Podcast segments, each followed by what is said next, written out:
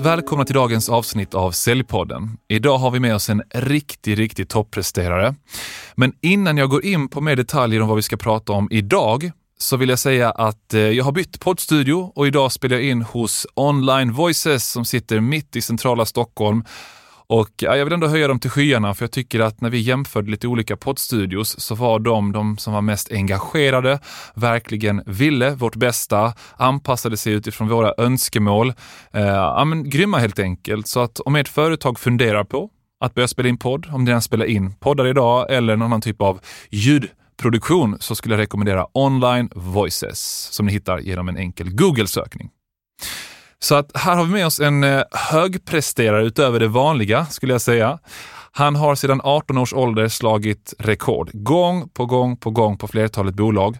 Och efter bara tre år på ett av Sveriges mest välkända rekryteringsbolag, Bravura, så sålde han för fler miljoner än någon annan hade gjort under ett år. 36 miljoner, helt sjukt. Eh, och han har också lett ett av branschens mest högpresterande säljteam som under pandemin sålde för över 250 miljoner kronor. Jag pratar om ingen mindre än Merdad Zarvani. Välkommen till podden. Tack Leo. Du, jag sitter här nästan halvt nervös med de här siffrorna vi pratar om. Det känns nästan som att jag mött min överman. ja, tänk om man kunde leva på gamla meriter. Ja, det är helt fantastiskt ja. alltså. Men hur känns det att vara med i podden? Det eh, känns bra. Eh, vill också bekräfta faktiskt. Det har varit proffsigt ända sedan jag kom in med online voices. Jätteengagerade, jättetrevliga. Eh, Coolt. Känns bra. Grymt. Och eh, jag tänker på din eh, bakgrundsstory. Mm.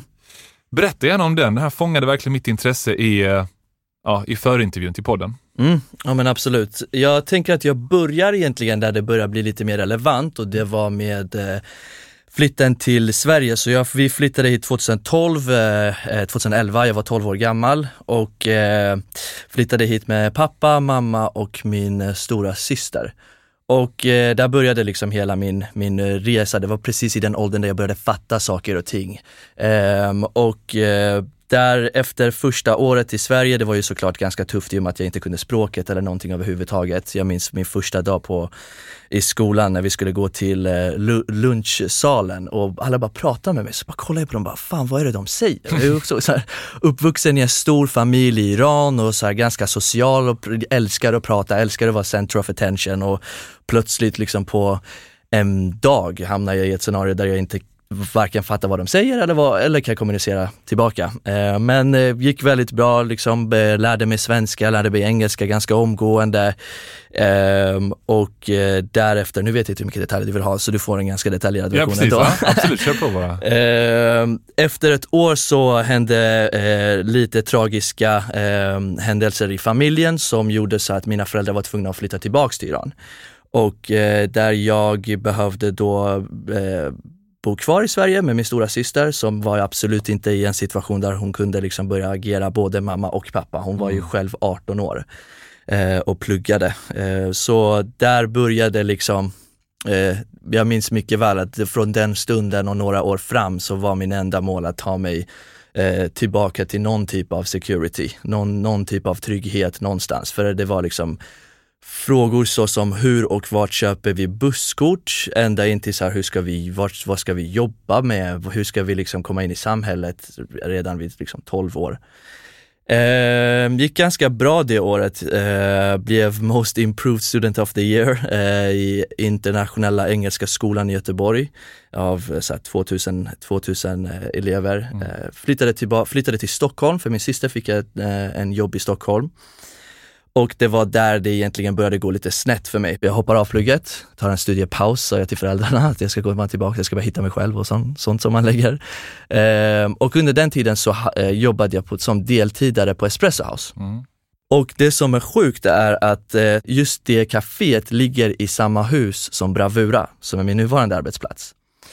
Så när jag jobbar där så kommer det in folk ganska regelbundet och man får koll på sina kunder. De kommer in, de beställer sin eh, Eh, espresso med sojamjölk eller vad det nu är, eh, varje dag. Så man börjar prata med dem lite mer och lite mer. Och så hade jag några kunder som kom in, eh, som alltid såg så fräscha ut, så stabila. Du har ju varit hos oss, det är liksom det är dresscode, kostym, de kommer in med slips och det är breda slag på sina kostymer och det är pinstriped skjortor och bara en dag så var jag så less. Jag minns att det var en, eh, det var en måndag efter att jag hade jobbat söndag i Hornstull och det, det är Hornstull marknad. Så det är liksom den sämsta dagen du kan få ett pass på för det är så mycket att göra, vi är så underbemannade.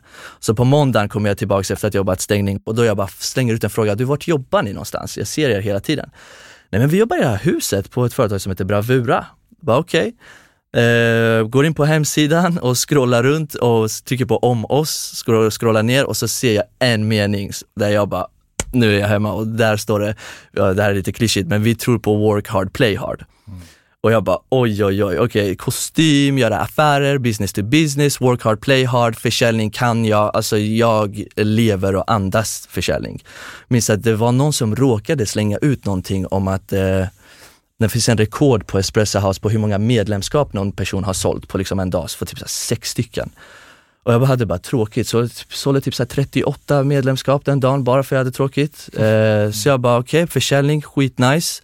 Söker jobbet, kommer dit och så blir jag bara golvad av intrycket. Alltså världens, världens rekryteringsprocess med förberedande case och återkoppling och vart vill du, hur, vem är du som person och fokus på kandidatupplevelsen och bara naila den. De jobbar ju, vi jobbar ju med rekrytering. Eh, kommer dit, träffar chefen och eh, hade en bra intervju och så frågade jag bara, så om jag nu ska ta ett nästa steg, jag vill göra någonting utöver det vanliga. Jag kan inte ha en 9 to 5, jag vill inte vara runt människor som är nöjd med good enough, utan jag, alltså placera mig bland djur, för jag vill göra någonting utöver det vanliga. Och så minns jag att Therese, som min kollega heter, gick runt bordet och skakade min hand och bara, jag skickar avtalet till dig. Eh, och då börjar min resa den 14 januari på Bravura. Eh, och så tre år senare så är vi här nu. Ja, men jätteintressant och, och någonting som jag också intresserat mig för eh, det är det här med fastigheter och du berättade också i förintervjun, kanske mycket tack vare de erfarenheterna du har och att du ville vara framgångsrik, köra runt i den här fina bilen och så här, att du, mm. du lyckades köpa din första fastighet när du var 18 år gammal. Hur, hur fick, du, eh, hur fick du pengar, mm. pengar för att köpa den lägenheten? Var det, PT, eh, var det alla PT-timmar och du körde ju hur många PT-timmar som helst eller vad var det som? Ja, alltså det var PT måndag till fredag. Eh, liksom, jag, var på, jag jobbade ju minst 200 timmar i månaden. Eh, jag var på, på centret klockan 6 och gick hem 22 varje dag. Varje helg så hade jag gruppträningspass och sen så på sidan av så gjorde jag också kostscheman och träningsscheman till privatpersoner. Just det. Så jag hade eh, egentligen tre inkomstkällor. Det ena var ju PT-timmarna som jag säljer från måndag till fredag. Det andra var gruppträningspass och bootcamps och etc. etc. på helger. Mm. Och sen så var det på kvällar eller när jag hinner mellan kunder så, så gjorde jag skräddarsydda kostscheman och eh, träningsscheman. Och de, den delen gjorde jag ända sedan andra ring gymnasiet. Mm. Eh, och jag bodde ju fortfarande hemma så jag sparade i princip 95% av allt jag tjänade. Eh, och jag behövde ju inget annat än bara liksom en kontaktinsats. Coolt.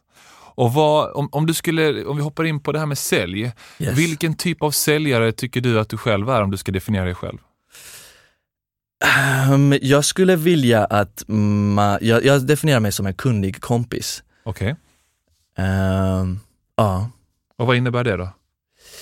Uh, nej men jag säljer väldigt mycket på förtroende och relation och eh, det är det som är kompisdelen. Och sen så, jag tänker så här, jag råkar, du, mina kunder behöver någonting och eh, de vill gärna ha med mig att göra och jag råkar kunna mer än dem om ämnet. Okay. Eh, så jag är experten inom ämnet och kan rådge dem men resan och upplevelsen känns som att de gör det med en kompis. Ah, Okej. Okay. Men hur, hur funkar det här med kompis när det kommer till att utmana sina kunder? Jag pratar ofta om det här i podden med att våga vara en challenger och utmana kunderna. Mm, mm, mm, mm. Eller tänker du då att ja, men en del av att vara en kompis, det handlar inte bara om att säga ja alltid utan även att, att vara en rådgivande kompis? Definitivt. Alltså, jag tycker det är nästan aldrig, jag skulle aldrig vilja ha en kompis även privat som är en yes man. Alltså jag, jag, hela förtroendet kommer ju från att man vågar säga ifrån för att man i förväg har lyckats bygga en relation där den ena vet den andras intentioner. Så länge du vet att jag vill ditt bästa så blir du ju förhoppningsvis bara glad av att jag exponerar dina brister. Eh, och så här, kompis ska ju tolkas lite fel. Eh, jag har ju kunder såklart som jag går på AV och luncher med. Det är mer snarare att det inte är en formell relation, snarare än att eh, det är att jag inte vågar säga ifrån. Just det, just det. Så att, att de känner att de har ett förtroende för dig, att du vill deras bästa, den typen av kompis. Exakt. Och inte bara att okej, okay, vi ska bli bästa vänner, hur är läget idag, hur var Ja, ja, segelbåten ja. i helgen? Definitivt. Jag förstår. Eh, Men hur är det att vara säljare i en av de mest illojala branscherna som finns? För, för jag har jobbat med väldigt många rekryteringsföretag, utvecklat deras säljorganisationer och sett eh, och hört vad säljarna säger. Och Mm. det är en jättebristande lojalitet som ni har i Mm. branschen. Mm. Eh, hur det är att jobba där? Ja, precis. Alltså, hur, eller hur måste man anpassa sig till att branschen är så illojal eller att kunderna är så illojala? Ehm, jag, jag, så här. Egentligen så handlar det bara om att man behöver vara mer disciplinerad och mer på tårna. Ehm, jag, ty, jag tycker inte, så här, om jag tittar på mig själv eller våra bästa säljare internt hos oss så har de inte den utmaningen med illojala kunder. Såklart så är det inte lika Eh, långvariga avtal, men har man skapat ett mervärde för någon så är det ganska få personer som vill byta ut en. Eh, det är också en process för kunden att vilja hitta en ny leverantör och skapa en ny typ av relation och gå igenom hela den processen. Så det är inte som att de vill vara illojala. Jag skulle säga att det är mer utifrån en leverantörssida att man ganska snabbt blir fat and happy. Eh, man, man förlitar sig ganska snabbt på sina avtal som rullar på och problematiken är att det är en hög rullians på även beställarsidan och på chefer. Så när en ny chef kommer in i bilden så kommer de in i bilden med sina leverantörer som de har haft sedan innan och så måste du konkurrensutsättas.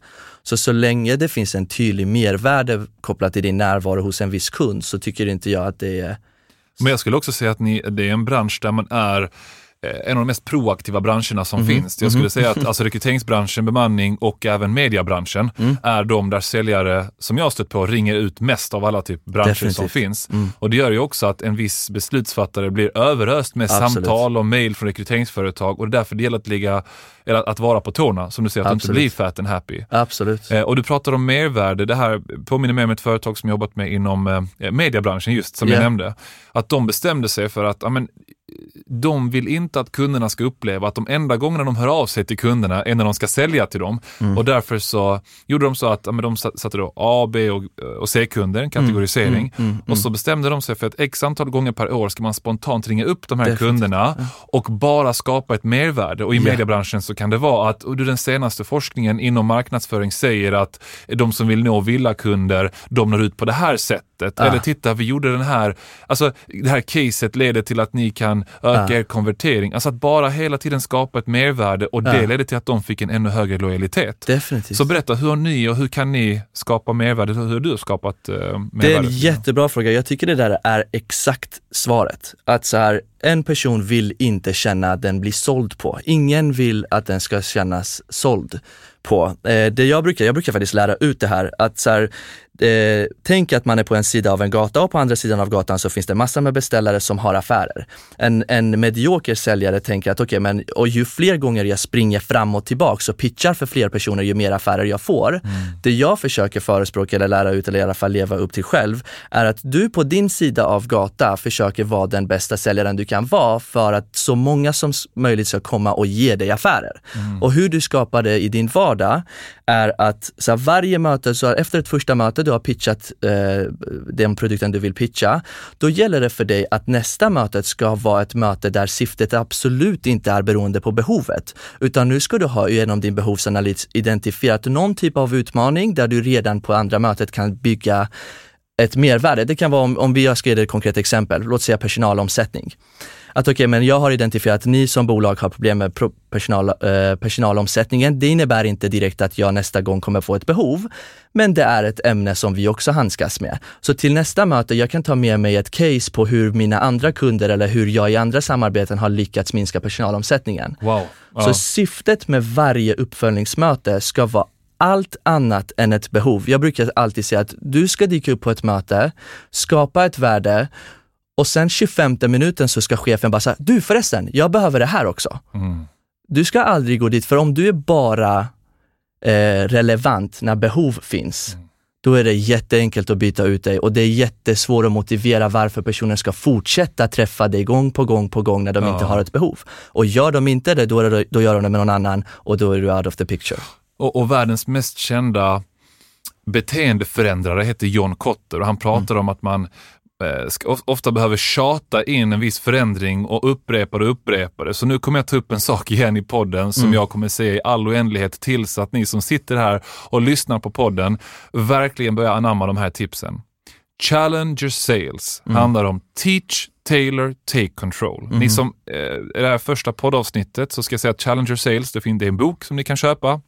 Forskning på 6000 säljare och det finns massor av bra tips. Men Teach, Tailor, Take Control är de tre grundpelarna. Mm. Alltså utbilda, anpassa budskapet och ta kontroll över säljprocessen. Mm. Att de här tre sakerna är grunden till all framgångsrik försäljning eller att mm. vara en toppresterare. Och det du säger nu är att du efterlever medvetet eller omedvetet, nu är det medvetet men kanske inte mm.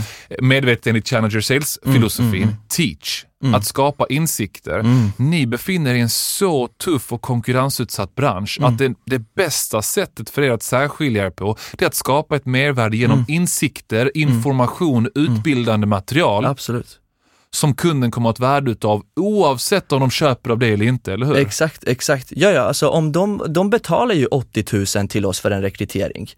Och om vi säljer bara det så konkurrerar vi med 1400 andra leverantörer. Men om vi säljer det för 80 000 plus att vi stärker chefens förmåga att attrahera kompetens, rekrytera dem, utveckla dem, behålla dem. Då är det mycket fler saker den behöver hitta på nytt när den hittar en ny leverantör. Ja. Eller när du jobbar in en förändring hos kunden. Det är ju det absolut viktigaste, när du får kunden att tänka om och du står för en helhetslösning och utbildar dem. Det är exakt samma sak med PT. Det är en jättefin sak som, som min handledare lärde mig att så här, ditt mål som PT ska vara att de inte behöver dig. Mm. Och mitt mål som account manager på ett rekryteringsföretag är att mina kunder på sikt inte ska behöva mig genom att lära dem och att de ska bli duktiga. Och det, vad det innebär är att det ställer höga krav på mig på att fortsätta vara relevant så att de faktiskt behöver mig och då innebär det att jag måste få gå igenom de lösningarna och förbättra de lösningarna jag har redan, jag har redan implementerat hos en kund. Det räcker inte för då kan de göra det själva. Ja, men det här är också sjukt intressant. När jag började mitt företag eller startade mitt företag eh, för fem år sedan efter ett par säljchefstjänster, då var jag så här livrädd för att dela med mig av tips och tricks på LinkedIn. Och alla mina konkurrenter kommer ta de här tipsen och kunderna kommer inte känna att de behöver mig. Men det är tvärtom. Det är Ju mer jag delar med mig, desto mer vill folk ha. Absolut. Pie keeps growing. Det är det enda jag lär ut till mina mm. säljare. Alltså, och tänker man att ja, i en förhandling exempelvis, allt det här, samt, allt det här frågorna om så här, förhandlingsteknik och bla bla bla bla. Alltså känner man att om jag får lite mindre, då har, om de får mer så får jag mindre. Allt det där är skitsnack. Alltså det är så här, Människor är mycket smartare än så. Det sista och det enda viktiga är ifall man tror på någon och det enda sättet de tror på dig är att du genuint vill deras bästa. Och vill du genuint någons bästa, då är det klart att du hjälper dem. Eh, bara för att och de... vill du genuint någons bästa så vågar du också ta betalt. Absolut. För då kan du med stolthet säga Exakt. att om jag ska kunna ha det här engagemanget i processen ja. och ni värderar de här uspar vi står för, ja de här unique selling points, Exakt. då kommer vi inte kunna vara den billigaste leverantören. Nej. Eller hur? Istället för att bara direkt gå ner och dra ner byxorna och ja. varsågod, här får du ett lägre pris. Exakt, ja, ja, absolut. Jag tänkte på en annan grej. Du pratar om vikten av att inte bara dra in nya kunder utan även att förvalta befintliga och få mm. rekommendationer därifrån. Mm. Eh, I USA brukar man använda begreppet hunters and farmers. Okay. Och hunters innebär då den här typiska liksom, jägaren, säljaren som bara köttar och ska jaga nya affärsmöjligheter, mm. ringer mycket kanske, mycket på LinkedIn och liknande. Och farmer, det är mer den som att, nej men jag är inte jättebekväm vid det utan jag vill ta hand om mina befintliga kunder, förvalta relationen. Mm, mm, mm. det känns som att du är typ den perfekta mixen av de båda. Mm, alltså går det mm. ihop och kan man också få andra att gilla båda delarna? Eller hur, hur ska man kombinera mm. hunter-rollen och farmer-rollen, om du förstår vad jag menar. Jag förstår. Eh, så så här, slut, eh, slutnivån på liksom, alltså jag tänker så här, en riktig, riktig, riktig vass säljare är en säljare som har full kontroll över framförallt sig själv och vet i den här situationen under den här perioden så behöver jag främ, främja de här egenskaperna hos mig för det är det som är nödvändigt här och på liksom en sekund kunna byta tillbaks till en annan sida av sig själv och en annan typ av sig själv för att kunna anpassa sig till sin motpart. Så går jag igenom en svacka i min försäljning för att min pipe har inte jobbats på, då blir jag en hunter. För någonstans så måste kvantiteten vara där och du måste bygga en pipe. Sen så går en period över och jag kommer i en förvaltande fas med massor med fokuskunder som behöver växlas upp. Jag kan inte gå in i den fasen med samma approach som, som byggde pipelinen. Så min förmåga att kunna byta riktning och kunna byta allt ifrån sättet jag pratar, allt ifrån eh, personer jag pinpointar för att förhandla med eller för att bearbeta och sättet jag för mig behöver anpassas till det stadiet som kunden är i. Och, och, Eh. jag tror att det är många som lyssnar på det, eller vissa som kan tänka eh, att ah, men jag vill ju inte manipulera kunderna, jag vill inte vara på ett sätt som jag faktiskt inte är. Ja. Och då brukar jag säga när jag har utbildningar inom till exempel kommunikationspsykologi, att det handlar inte om att du inte ska vara den du är, det handlar om att du bara ska dra fram de sidorna Exakt. hos dig som är de mest relevanta och situationsanpassade. För motparten. Och Ja. f- det är ju för motpartens bästa och exakt samma fråga får jag hela tiden. Varje gång jag går till en, till en säljare och bara, du jag, jag märker att du pratar på det här sättet, tänk på allt det här med röd, blå, grön, gula personer. Alltså någonstans så vill du att din budskap ska också landa hos din motpart. Och du gör dem en tjänst genom att prata i de termerna och på det sättet som gör att de faktiskt kan ta in budskapet. Om du är married to your idea och bara, nej men sån är jag och så här pratar jag och så här säljer jag, då kommer du ha din klientell men det kommer vara väldigt begränsat till bara de som tycker och tänker och pratar på samma sätt som du. Och du pratar ju inte på samma sätt med din dotter, med din Nej. son som du gör med Nej. din hustru, som du gör med din chef. Så du gör redan det här idag. Du Exakt, anpassar dig exakt. omedvetet. Nu gäller det att anpassa sig medvetet. Medvetet, Ja. Har du något konkret tips på hur man kan bli bättre på det? För vad jag märker av det är att många säljare som tycker att "Ja, men jag är världsbäst på Mm. eh, relationsanpassning och kommunikationsanpassning och allt vad det heter. Mm. Och sen följer med, man med dem ut på möten och så känner man, alltså du kan ju inte ens avlyssna eller Mm. analysera kundens kroppsspråk. Men finns det något lättsmält tips du har för att bli bättre på att vara en kameleont? Absolut, och det är exakt det du säger och det grundar sig i självinsikt har jag märkt. Eh, så mitt största tips till personer är att börja observera sig själva mera. Eh, man beter sig på ett väldigt annorlunda sätt än vad man tror. Spela in mötena, eh, spela in era samtal Amen. Amen och lyssna på det. Jag vet inte hur många gånger som, jag sa ordet amen 22 gånger i en pitch som jag spelade in. Amen, amen, amen. Och det grundar ju sig i att jag vet inte vad jag snackar om, så jag vill, bara, jag vill inte att det ska vara tyst obviously. Hade inte jag spelat det där, gud vet hur många amens jag hade sagt kommande tre åren.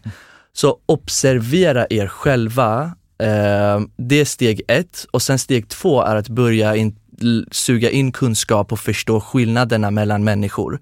Eh, skillnaderna i eh, kommunikation. Eh, vissa personer som är extroverta, vissa personer som är introverta. Och, men du kan inte börja nyttja de verktygen du får av den typen av förståelse om inte du har den förståelsen för dig själv. Va, I vilka situationer eh, pratar jag jättesnabbt och kanske använder fel ord? I vilka situationer är jag mindre stressad och mer analytisk?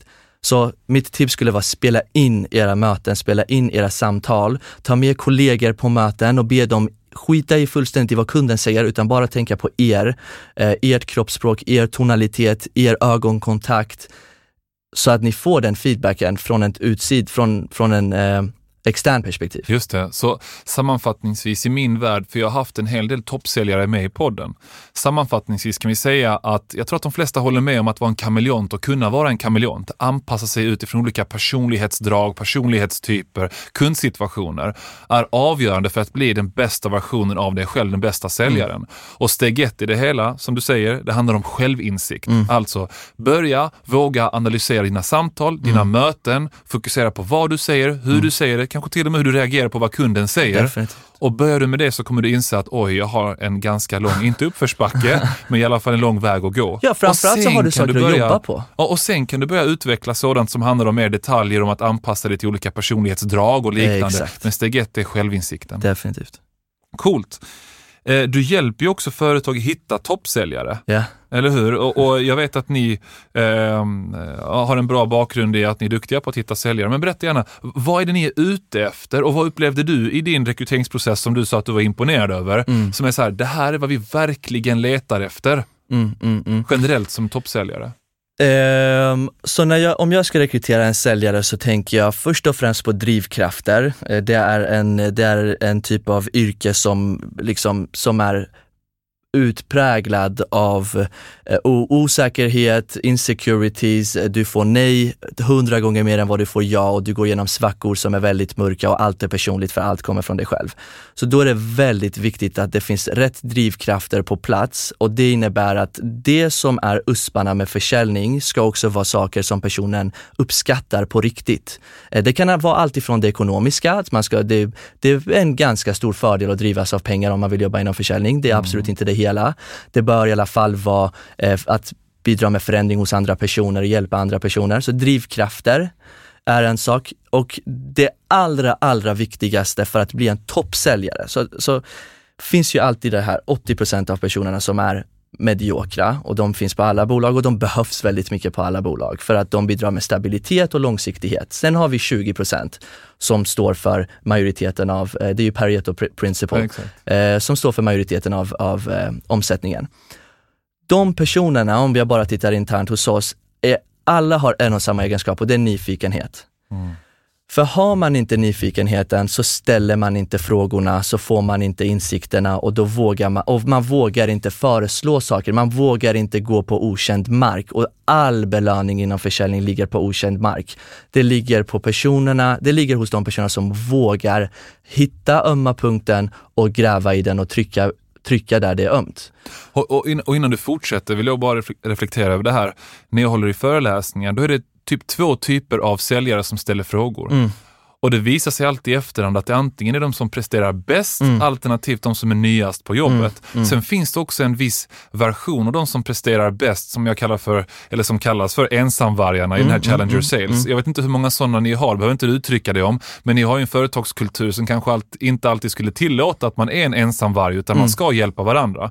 Och ensamvarg innebär då att det är någon som presterar bra och har blivit lite grann, lite grann fat and happy, tycker att jag har presterat tillräckligt bra, jag behöver inte extern feedback och liknande. Mm. Men den här nyfikenheten, att våga utmana sig själv, göra någonting litet varje dag eller varje vecka. Mm. Det är en otroligt viktig egenskap ah, för ja. att hela tiden sträva mot att bli bättre. Ja. Eller hur? Den är så underskattad också. Alltså allting kommer från nyfikenhet. Hela det här med att ha självinsikt. Någonstans så måste du någon gång bli nyfiken på vem, hur pratar jag egentligen? Mm.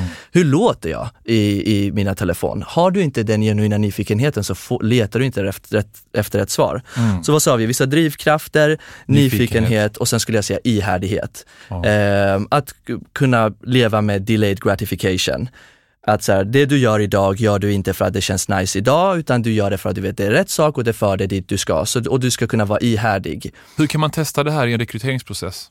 Eh, vi jobbar ju kompetensbaserat, så vi ber dem eh, ge exempel på när de har gått igenom en tuffare period och hur de har mm. tagit sig ur den och då börjar ju folk prata lite kring motivation och sånt, men det jag lyssnar efter är egentligen hur reagerade du? Fortsatte du göra det som du ska göra under den svackan och under den tuffa perioden eller började de säga att nej men jag började liksom eh, prata med andra kollegor och göra det här och blir liksom, går helt ifrån det som faktiskt är viktigt, då är det ju kanske, det kanske är lite negativt kopplat till ihärdighet. Men säger man någonting i stil med att okej, okay, men jag gick tillbaks till the basics, eh, analyserade hur jag hamnade här och kom fram till att ett A, B och C är det jag ska göra och så försökte jag bara muta allting, låsa mig i ett rum och kötta mig ut från svackan. Mm. Det är ju mm. framförallt ihärdigheten. Så tre saker att tänka på när ni ska rekrytera. Ett, Identifiera drivkraften hos personen och helst att den här drivkraften ska stämma överens med de övergripande drivkrafterna ni vill få till på ert företag eller bara som säljare överlag. Absolut. Så gå hand i hand med det här större syftet. Den andra biten är nyfikenhet. Se till att anställa personer som är drivna av nyfikenhet, är redo att vara öppna för att bli coachade, analysera sina egna samtal, sina egna möten, mm. redo att utvecklas helt enkelt. Och den mm. tredje saken är ihärdighet. Och ihärdighet innebär att om man bara gör rätt typer av aktiviteter, rätt typer av beteenden, så kommer resultatet att följa i framtiden. Mm. Hur testar man ihärdighet? Genom att fråga dem om saker de har varit med om tidigare i sitt liv, hur de har hanterat vissa utmaningar och helt enkelt se hur de besvarar den här frågan. Mm. Grymt, jättebra, superbra tips här. Jag tänkte fråga dig, att, eh, eller fråga dig om en sak som handlar om din livsstil. Mm. För du berättade i förintervjun att du har en livsstil som är anpassad för att kunna vara en högpresterare. Absolut. Vad innebär det?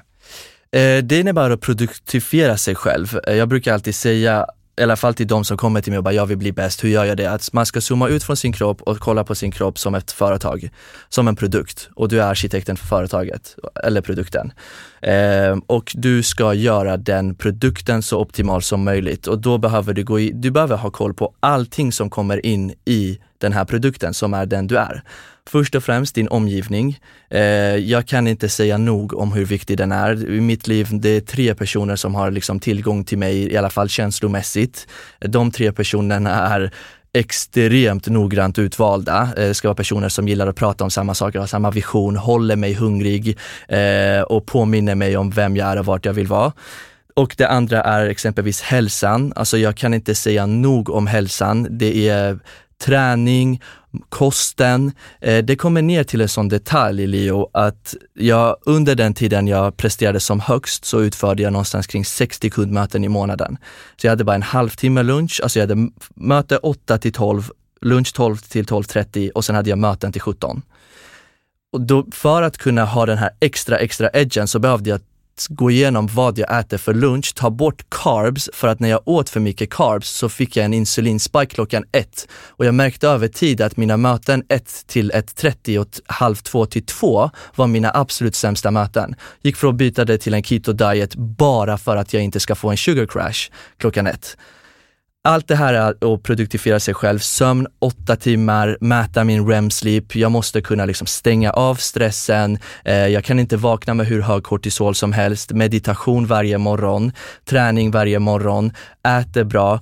Och sen så har jag såklart, alltså jag, jag har ju en belöningssystem såklart. Det tycker jag är jätteviktigt inom försäljning, i alla fall, eller för mig. Går man igenom en, alltså så långa perioder av slit så ska man våga belöna sig själv. Och det mm. kan vara materiellt, det är lugnt. Det kan vara fest i fem på morgonen, det är lugnt.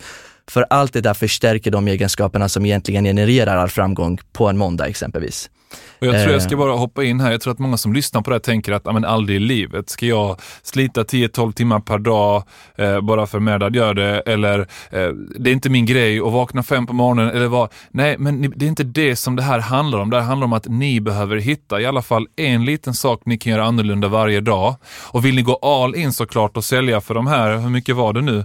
jag vet inte hur många miljoner var det, typ 30 någonting, 36 miljoner på ett år. Eller få ett team som presterar en kvarts miljard i omsättning omsättning under covid, ja då kanske man behöver gå all in på det här sättet. Men lär dig någonting, ta lite inspiration från det här och gör någonting annorlunda imorgon så kommer du känna att du är både lyckligare och presterar bättre. Mm. Och det här med lyckligare är egentligen nyckeln i det här, för jag tycker inte att jag sliter. Jag tycker inte att jag jobbar hårt eller att jag, eh, eh, att jag ger upp vissa andra saker. Jag älskar min liv, mitt livsstil. Jag mår som bäst när jag är i de här perioderna. Jag mår bokstavligen som bäst, jag är starkast på gymmet, jag sover som bäst, jag har bäst hy, eh, jag är på bäst humör, jag tjänar som mest. För, jag, för det är ju min livsstil. Jag väljer att vara framgångsrik mm. i allt. Jag vill vara framgångsrik i hur jag sover, jag vill vara framgångsrik i hur jag behandlar mina nära vänner, jag vill vara framgångsrik på jobbet. Och eh, då anpassar jag livet utefter det. För så här, om det börjar kännas som att man går out of your way och sliter och bara liksom härdar liksom. sig igenom det, då är, då, är, då är du på fel plats till att börja med.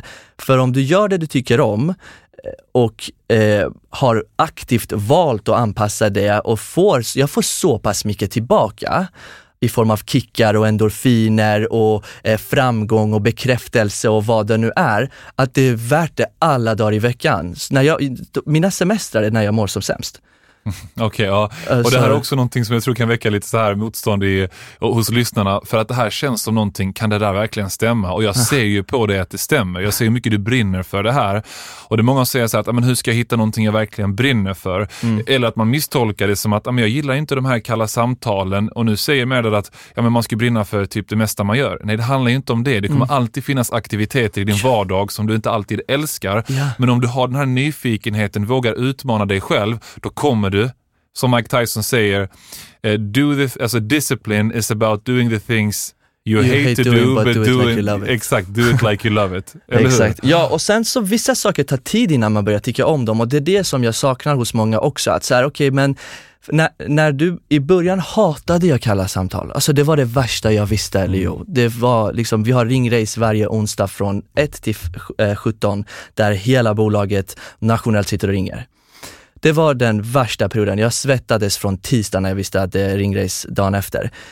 Det var för att jag inte var så bra. Vissa saker som exempelvis träning, det gör ont i början, det är lite keft i början, sen tycker man om det. Mm. Och man måste, alltså någonstans måste man ta sig igenom den perioden. Mm. För man vet att det är bra på sikt. Exakt, ja, häftigt. Men du, finns det något avslutande säljtips du vill ge till våra lyssnare? Och då funderar jag på antingen någonting i när man ska skapa fler affärsmöjligheter, något väldigt konkret, eller som du känner att under säljmöten så fick jag lära mig det här av en erfaren kollega, eller jag såg min kollega göra det här, eller vet du vad? Senast jag analyserade en säljares möte, det här är vad han eller hon gjorde extra bra. Mm. Är det någonting du kommer att tänka på förutom att vara en kameleont? Mm. Eh, det finns jättemånga, så jag, jag, jag, om jag får så ger jag gärna tre tips. Det är bra, kör på. Eh, Okej, okay. så först och främst, eh, det här är framförallt eh, kan tillämpas inom B2B. Eh, och det är att jobba utifrån Budai-modellen, Eh, vilket är buyer, user, influencer och decision maker. Och att förstå skillnaderna på de här och att lägga tid på samtliga delar. För det är väldigt, väldigt många som bara bearbetar och lägger fokus på exempelvis en buyer eller en decision maker. Medan det finns oftast en user och en influencer också. Och jobbar man på det sättet så minskar man sannolikheten att man tappar affärer såklart. Men framförallt så jobbar man med sin riskspridning att okej, okay, men av, om, man, om man bara jobbar med en buyer eller decision maker så är det, så, och tappar den ena för att man inte klickar eller man råkar göra ett fel möte, så tappar man 50% av ekvationen. Har man fyra personer som man kan ha en relation med som kan gå i god för dig, så är det 25% som är borta om du tappar det ena. Så buyer, user, decision maker och influencer och jobba med att kontinuerligt identifiera vilka de här personerna är i en säljkontext. Coolt, jätte, jätte, jättebra tips. Det var um, en, en snabb, jag gjorde en analys på 700 företags säljprocesser och sa att mm. en av de vanligaste fallgroparna, anledningen till att man förlorar affärer, inom B2B framför allt, men även komplex B2C, det är att man inte har bearbetat de här fyra olika mm. typerna av, vad ska vi säga, påverkare i mm. en process. Mm. mm. Coolt, mm. vad är nästa tips? Eh, det är gott, vi summerade, det är att ha en plan på hur man ska utvecklas. Det är jätteenkelt att vara taggad. Det är jätteenkelt att vilja utvecklas. Men det är ganska få personer som har en plan för det. Exempelvis eh, om du ringer massa kalla samtal en vecka bestämde jag att okay, den här veckan ska jag hålla mina pitch och mina samtal till två minuter. Jag ska öppna den på det här sättet och se hur det landar och så har du koll på hur många du bokade. Veckan efter så byter du, okej okay, jag ska slänga in två, tre frågor plötsligt i min pitch för att boka ett möte. Hur landar det? Så att du får också lite statistik och har en plan för hur du ska bli bra. För det är jättemånga tyvärr som förlitar sig på att exponering ska leda till utveckling. Att ju fler möten jag gör, ju mer scenarion jag kastas in i, ju mer jag lär mig. Men det är som att gå igenom eld när man bara kan ta en motorväg. Du behöver inte hela tiden, uh, ursäkta språket, bli tagen på sängen. Mm. Du behöver inte hela tiden lära dig på grund av att du, på, som en konsekvens av någonting. Mm. Om du lyckas hitta mönster. Så ha en plan på hur du också ska utvecklas. Häftigt. Eh, jag skulle säga den tredje skulle vara att skapa system. För att när man kommer till en viss nivå av försäljning, eh, för mig var det kanske redan vid 15 miljoner, så räcker inte tiden längre och du behöver jobba med streamlinade processer. Du behöver automatisera orderinflödet på ett sätt. Hos oss inom rekrytering så är vi ju indelade i flera olika avdelningar. Så vilka delar av säljprocessen kan jag delegera till en rekryterare istället så att det frigör säljtid från den här kunden som jag kan investera i en annan kund. Så skapa små, små system i din vardag som gör att viss del av processen blir automatiserad och det sköter av sig själv. Du kan, det kan vara att du anpassar beställningsprocessen hos en kund som brukar alltid behöva ha ett första möte och sen en offert och sen det här och sen det här till att göra en one-pager med alla dina villkor. De har det på förhand, de vet exakt vad det kommer kosta dem. Du har sagt till att du har identifierat user, influencer, decision makers så du behöver inte pitcha på dem på nytt och ordern kommer in via ett mail istället för två möten. Så skapa små system som gör att du kan frigöra effektiv säljtid som kan användas någon annanstans där du personligen inte behövs. Coolt. Ja, häftigt. Jag tänkte fråga dig, om man vill ta kontakt med dig, hur gör man det på enkla sätt och varför ska man ta kontakt med dig? Eh, Merdad Sarvani på LinkedIn. Eh, mm. Varför vet jag, jag vet inte. Varför skulle man vilja? Merdad, jag tänker så här att eh, om man eh, har behov av rekryteringstjänster till exempel, ja. kan man kontakta dig. Om man ja. vill ha lite inspiration om eh, mer om din story, kanske någon Absolut. följdfråga. Och då ska jag säga Merdad med H där precis innan innan R, så M-E-H-R-D-A-D.